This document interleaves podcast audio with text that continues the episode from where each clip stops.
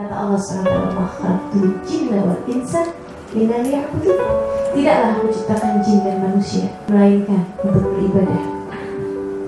Hamba-hamba yang berada di tujuan paling atas ini Mereka ketika melakukan apa pun Tujuannya bukan untuk mencari kesenangan sendiri Bukan pula untuk membahagiakan orang Akan tetapi mencari ridha Allah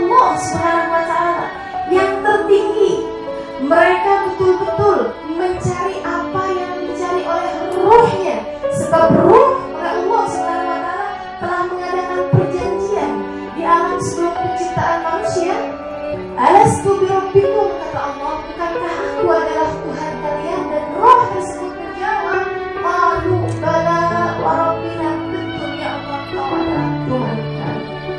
Maka hidupnya adalah penghambaan kepada Allah SWT Maka hidupnya adalah pencarian kepada ridha Allah SWT Dia tidak lagi berpikir apa yang dia mau. Dia tidak lagi berpikir